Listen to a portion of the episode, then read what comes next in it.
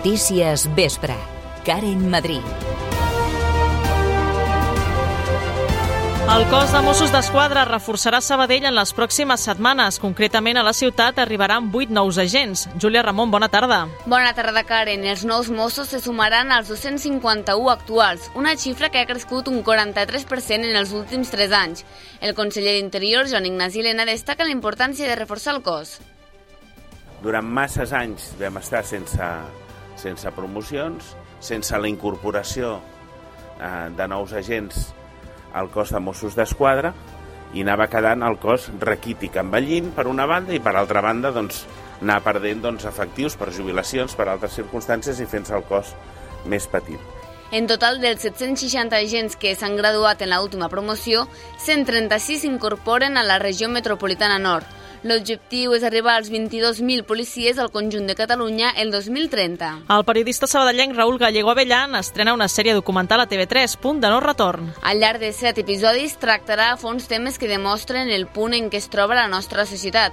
És el primer projecte de Gallego Avellán a la televisió catalana després d'anys treballant en mitjans internacionals com Al Jazeera, sobretot cobrint conflictes bèl·lics. I en esports, el Sabadell s'enfronta aquest vespre a la semifinal territorial de la Copa Federació. Els arlequinats s'han desplaçat fins al camp d'esports de Lleida amb la fita de refer-se de la derrota d'aquest diumenge, al debut en Lliga contra l'Irun. Aquestes i altres notícies es repassem en els pròxims minuts amb el Toni González a les vies de so. Notícies Vespre. Tota la informació a Ràdio Sabadell. Els serveis. A aquesta hora trobem retencions a diferents punts de la xarxa viària més propera a Sabadell. A la B30 hi ha un quilòmetre i mig de retencions a Barberà en sentit sud i un quilòmetre i mig més en sentit nord. A la C58 hi ha 3 quilòmetres de cues a Montcada per anar cap a Barcelona i 2 quilòmetres més al mateix municipi, però ja a la C33 també en sentit sud. Si mirem a la capital catalana, trànsit molt dens a aquesta hora a la Ronda de Dalt entre Pedralbes i la Meridiana en sentit Vallès. El temps. Les temperatures segueixen baixant, 22 graus tenim ara a Sabadell, 2 graus menys que ahir a aquesta hora i 4 menys que fa dos dies. Què hem d'esperar de cara a les pròximes hores? Li preguntem a Lluís Mi Pérez. Bona tarda. Bona tarda. Força núvols encara a les comarques de la costa i prelitoral de Barcelona, així com a les de Girona. De fet, s'estan produint alguns ruixats locals que, per exemple, han anat caient amb més ganes al sud de la Garrotxa. Al llarg d'aquesta propera vesprada, nit i matinada, ruixats i algunes tempestes que acabaran sent bastant fortes però molt locals, aproximadament entre la Tordera i el Ter. Arribaran a gran part de les comarques de Girona. També algun xàfec al voltant del Vallès Oriental o al Maresme. Continuarem amb cel serè i una miqueta de vent al sud de Tarragona, també a gran part de Lleida i a l'Alt Pirineu. La nit fresqueta. Demà despertarem amb aquests núvols més gruixuts a les comarques gironines, amb algun ruixat ja fugàs i recòndit, sobretot al Baix Empordà, i demà al migdia i demà a la tarda més sol que no pas núvols, amb una temperatura que no variarà respecte a avui. També s'acaba el vent de dalt i la tramuntana. Us seguirem a la xarxa. Sabadell incorpora 8 nous agents dels Mossos d'Esquadra. Els agents que ja treballen a la ciutat des de fa un parell de setmanes se sumen a la plantilla de l'àrea bàsica policial de Sabadell, que a hores d'ara se situa en els 251 Mossos. Plegat ho ha anunciat avui el conseller d'Interior, Joan Ignasi Helena, en una roda de premsa celebrada a la comissaria dels Mossos d'Esquadra a Terrassa. Helena Molís, bona tarda. Bona tarda, Karen. En aquesta roda de premsa també s'ha donat la benvinguda als més de 760 agents de la trentena promoció dels Mossos d'Esquadra. D'aquests, 136 s'incorporen a la regió metropolitana nord, on a part de Sabadell hi destaquen els 21 nous agents a la comissaria de Terrassa i els 15 de Badalona. El conseller d'Interior ha remarcat que part de la necessitat d'augmentar el nombre d'agents, neix de l'objectiu de transformar els Mossos d'Esquadra en agents de proximitat. L'ADN del cos de Mossos d'Esquadra és la proximitat. I creieu-me que el desig dels comandaments del cos sempre és ser presents als centres comercials, als eixos comercials, allà on passen les coses, als centres de les ciutats, als barris, i ser-hi a peu i ser-hi caminant. El conseller també remarca que cal trencar amb la mala imatge, diu, de la policia. Moltes vegades en, en seguretat se sent parlar de forma molt agressiva, no? De donar-se, de, de, com si fos una cosa molt testosterònica, de, de cops, de donar-se cops de pit dient el país necessita més seguretat, no? I, i fer-ho tot molt, molt dramàtic. Doncs eh, la seguretat no va d'això. La seguretat sobretot va d'acompanyar, de ser-hi, de que els agents de seguretat hi siguin. Segons ha comentat el mateix Helena a la presentació, l'objectiu és arribar a una plantilla de més de 22.000 policies arreu de Catalunya l'any 2030.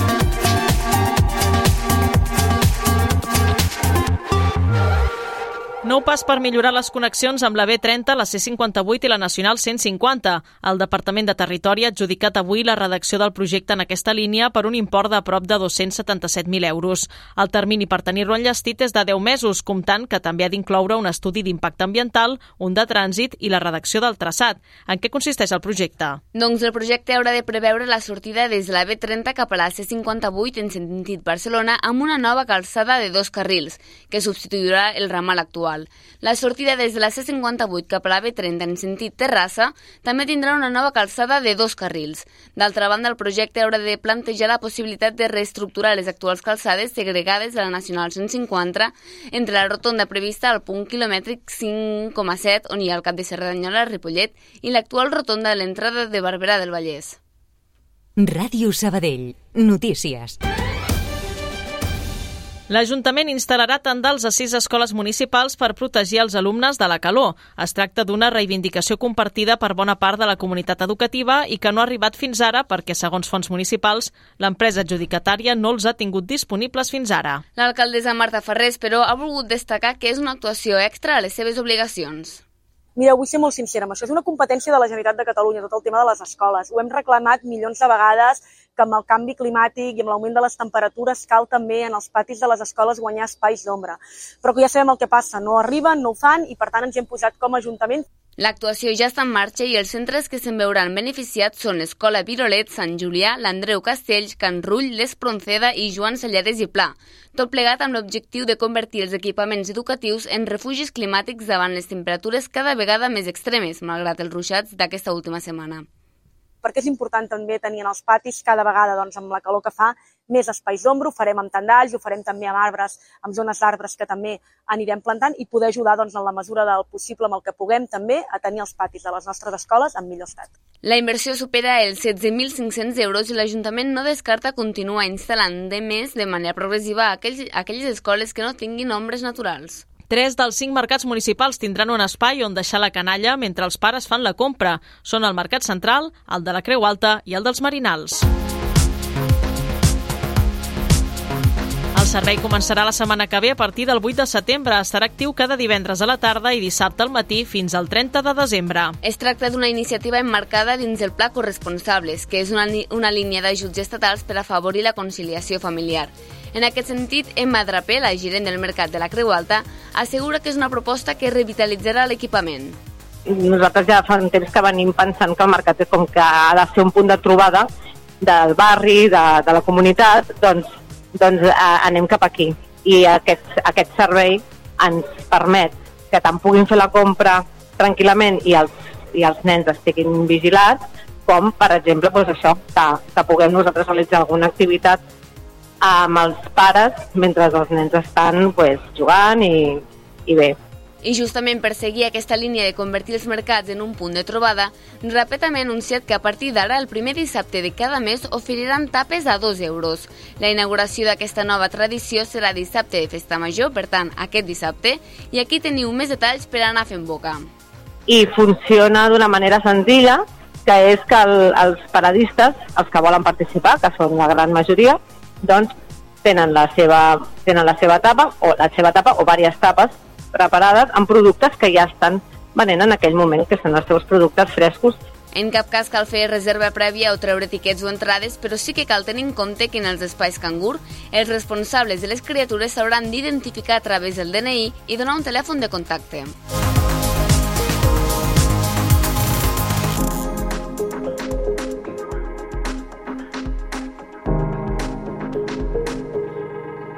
I en el marc de la Festa Major, per primera vegada es farà un torneig de videojoc que comença aquest divendres. Seran 80 participants que amb les places ja exaurides jugaran al Valorant.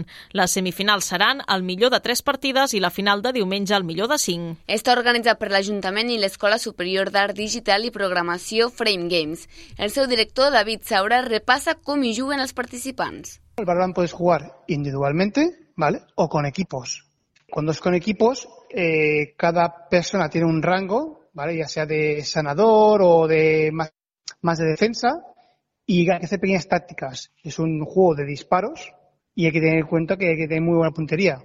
Entonces, hay que comunicarse muy bien con tus equipos para saber eh, hacia qué lado ir o hacia qué lado defender i conseguir eh, combatir al contrincante. La difusió s'ha fet a les xarxes, però també amb cartelleria tradicional a Sabadell, Barberà, Terrassa, Cerdanyola, Barcelona i l'Hospitalet.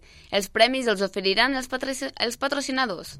Estuvimos hablando del tema premios, cómo podríamos hacerlo, ya que no queríamos dar un premio económico para que no fuera un torneo de interés por ganar dinero, sino al final es un torneo para que hagan amistades, que hagan ocio, que se diviertan. Entonces, hablemos con los con algunas empresas de Sabadell de Barberá que quisieran colaborar en el torneo, como Kame Kame Comics, Sa eh, Comics Sabadell, el Rincón Friki, y etcétera, algunas empresas más, y decidieron pues que darían ellos algún producto de su tienda o como premio. Això inclou vals descomptes, samarretes tematitzades o tasses de gamer. Justament aquesta setmana se celebra el Dia Mundial del Videojoc. Tota l'actualitat de la ciutat i comarca també a les xarxes socials.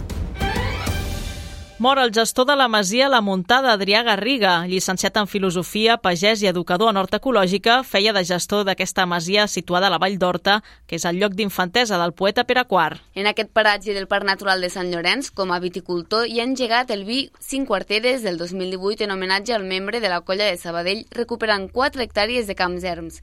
A més, en aquest espai també s'hi fan tallers, itineraris guiats i activitats culturals que inclouen també l'observació respectuosa de la natura i la fauna de la zona.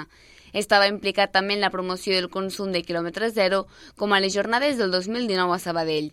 La cerimònia de comiat serà aquest divendres al matí al Tanatori de Sabadell. El sabadellenc Raül Gallego Avellan, especialitzat en periodisme de conflicte i social, ha estrenat aquest estiu una sèrie documental al servei de TV3 a la carta, Punt de no retorn. La proposta suposa la tornada de Gallego Avellan a la televisió autonòmica després d'anys treballant en mitjans internacionals i rebent reconeixements de tota mena per la seva trajectòria. Ara, amb un format d'entre 15 i 20 minuts per capítol i una narració directa per part dels entrevistats, Gallego reflexiona sobre aquelles situacions que demostren el moment crucial que travessa la societat cada any passa alguna que no ens haguéssim imaginat, no? I, I tinc la sensació que els últims anys estem vivint tots amb aquesta sensació de, de que el món està canviant, no? Amb, amb el canvi climàtic, no? I no sabem eh, què, què serà el següent, no? Què passarà, no? De la pandèmia, la guerra d'Ucraïna... Eh, ara tothom estem molt, molt preocupats no? amb, amb, amb la inflació, el canvi climàtic, no? I és, estem vivint en aquest moment de canvi, d'inestabilitat, que no sabem cap on anirem, i, i volia fer un retrat una mica d'aquest moment no? de, de la humanitat. Punt de no retorn tindrà en la seva primera temporada set capítols, els quals ja se n'han penjat dos. En el primer, Gallego Avellan s'introdueix en la jihad islàmica al camp de refugiats de Jenin. En el segon, marxa fins al Japó per mostrar l'avenç de les intel·ligències artificials i els robots. El periodista sabadellenc ja està treballant de forma intensiva en l'edició del nou capítol que abordarà la immigració pel canal de la Mànega moltes organitzacions, inclús la Unió Europea, ha criticat aquesta llei de que aniria en contra dels drets humans. Per això aquest punt de... estem en un punt de no retorn en com estem tractant i com estem intentant aturar la immigració, que s'estan arribant a, a que, el, que les forces de seguretat i els governs estan prenent mesures que són inclús en contra dels drets humans. No? I bueno, estem ara acabant d'editar aquest reportatge que sortirà la primera o segona setmana de setembre i, i ara després també marxaré al Canadà a fer un tema dels drets de, de, allà viuen les First Nations, que serien els, els indígenes, no? que sempre hem dit els indis d'allà, i la lluita pel, per defensar la natura, els seus drets i el canvi climàtic. El periodista sabadellenc confia que el seu projecte, que viu com un repte, tingui continuïtat i serveixi per fer arribar el contingut més enllà dels espectadors catalans.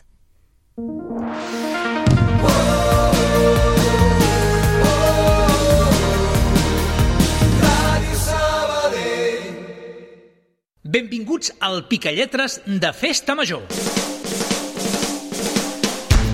Amb la P, activitat cobra la celebració. Pregó. Amb la F, àpat popular de Festa Major. Fideuà. Amb la S, desfilada de les bèsties de cultura popular. Seguici. Amb la C, construccions humanes. Castells. Amb la B, festa major alternativa. Barraques. Torna la festa major. I Ràdio Sabadell te la costa. Pel Twitch, per la 94.6 i a través de les nostres xarxes socials. Des de divendres i fins dilluns, la festa major es viu i es veu a Ràdio Sabadell. Bateguem amb la nostra ciutat. El camí de la Copa del Sabadell comença a Lleida. Després del mal inici a la Lliga, els d'Amic i Lledó busquen refer-se ara a la semifinal autonòmica de la Copa Federació. Sabadell en joc. Passió arlequinada. Aquest dimecres, des del Camp d'Esports de Lleida, segueix en directe a Lleida Esportiu, Centre d'Esports Sabadell, amb la narració del Sergi Garcés, els comentaris de l'Adriana Arroyo i la direcció del Pau Vituri. Dimecres 30 d'agost, des de dos quarts de vuit del vespre, Sabadell en joc. Lleida Esportiu, Centre d'Esports Sabadell, semifinal autonòmica de la Copa Federació a Ràdio Sabadell. Vibra amb els partits del Centre d'Esports al Sabadell en joc. Ràdio Sabadell. Notícies vespre. Fora de Sabadell i la comarca. Pedro Sánchez i Alberto Núñez Feijó no acosten posicions. Els líders del PSOE i el PP s'han trobat aquest matí al Congrés amb el debat d'investidura com a teló de fons. Feijó li ha plantejat a Sánchez una legislatura de dos anys amb un executiu del Partit Popular a més de sis pactes d'estat. Pactando una duración concreta de la legislatura, dos años, y pactando también el método de trabajo que debe de guiar la legislatura, un método de trabajo en las Cortes que permita desbloquear las grandes cuestiones de Estado pendientes que afectan directamente a todos los ciudadanos, a las familias, a los pensionistas, a los servicios públicos, a nuestra economía y también a la organización territorial del Estado. Sánchez, però, ha tancat la porta a l'acord. Pilar Alegría es portaveu del PSOE. ¿Qué nos está ofreciendo? ¿Un pacto al Partido Socialista con Vox para derogar durante dos años el sanchismo?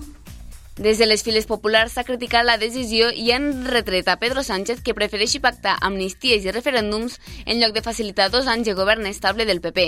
Durant la trobada, el secretari general del PSOE ha plantejat a Feijó la renovació del Consell General del Poder Judicial abans, del 31 de desembre, abans que el 31 de desembre governi qui governi. L'IPC a l'Estat ha repuntat 3 dècimes a l'agost i la variació interanual se situa al 2,6% segons l'indicador avançat. L'índex de preus al consum encadena dos mesos seguits a l'alça, aquest cop impulsat per l'encariment dels carburants que registren augments de preu des de principis d'estiu. Petit respir de l'Euríbor al mes d'agost. Ha baixat al 4,07% la primera caiguda en 20 mesos.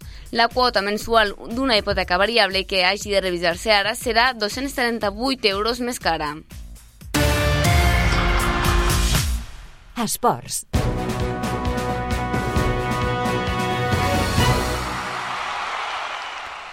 D'aquí poc menys de 45 minuts arrencarà al camp d'esports de Lleida la semifinal autonòmica de la Copa Federació entre el Centre d'Esports i el Lleida Esportiu. A la capital del Segrià hi tenim l'Adrià Arroyo. Bona tarda, Adri.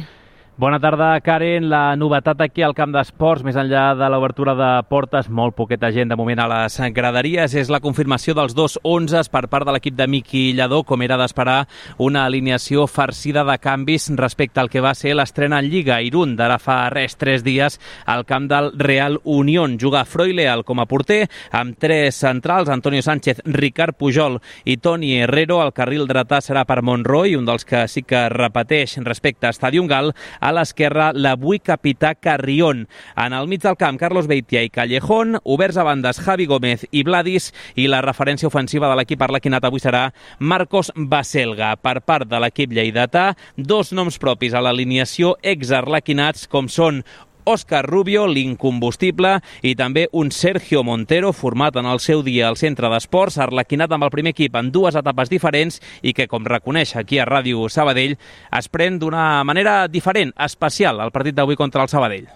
Sin querer, pues seguramente haya un, un pelín más de motivación que mis, mis compañeros, por ejemplo, eso, eso no, te, no te lo voy a negar pero como también te digo que no tengo que demostrar nada a nadie ni voy a ni voy a vamos a pero sí que es verdad que seguramente pues yo tenga un poquito más de motivación que, que, que los demás que los demás compañeros sí El partit comença a les 8, la retransmissió d'aquí a 10 minuts clavats a dos quarts de 8. El Lleida ja fa uns minuts que s'escalfa sobre el malmès eh, terreny de joc del camp d'esports. El centre d'esports només ho fa el seu porter Froi Leal, acompanyat de l'avui suplent Adrián Hortola. Com a curiositat i per enllestir aquesta connexió, el dependre de la Federació Catalana i no pas de l'Espanyola, aquestes semifinals de la fase autonòmica de la Copa Federació, avui la convocatòria no és de 23 efectius, sinó que el màxim és de 18 homes que avui es vestiran de curt. Gràcies, Adri. Bona tarda. Una abraçada fins ara. I no deixem la informació relacionada amb el Centre d'Esport Sabadell, en aquest cas el filial, perquè avui s'han anunciat tres nous reforços.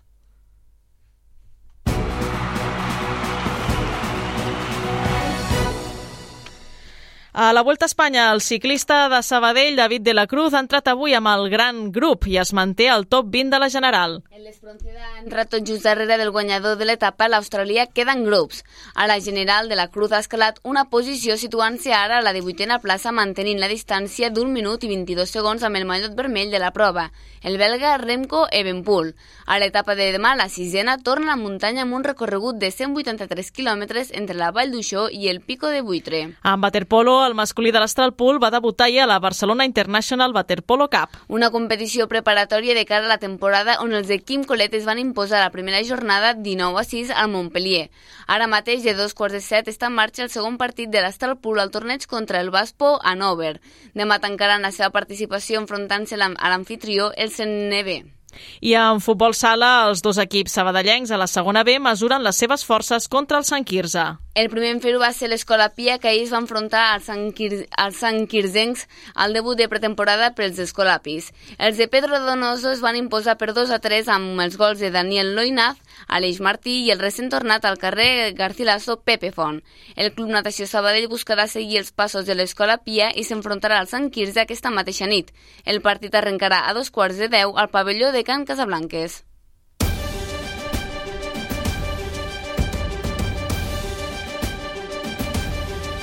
8 minuts per dos quarts de vuit. Tanquem el Notícies Vespre d'aquest dimecres 30 d'agost, recordant-vos que tot el que us hem explicat ho podeu trobar a radiosabadell.fm. Tornem amb més notícies a la 94.6 demà a partir de les 10 amb els butlletins horaris. Que acabeu de passar un bon dia. Adéu-siau.